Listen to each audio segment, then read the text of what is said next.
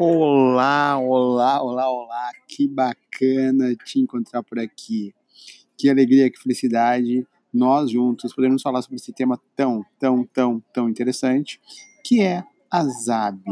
Essa pessoa que não tem empatia, que faz ojeriza a coaches, quando na verdade tudo que ela precisa é de um.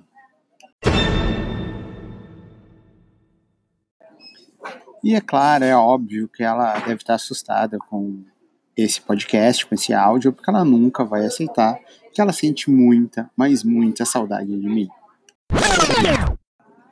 Isso mesmo, isso mesmo. Volta a gravação, eu vou repetir. Ela sente muita, mas muita saudade de mim.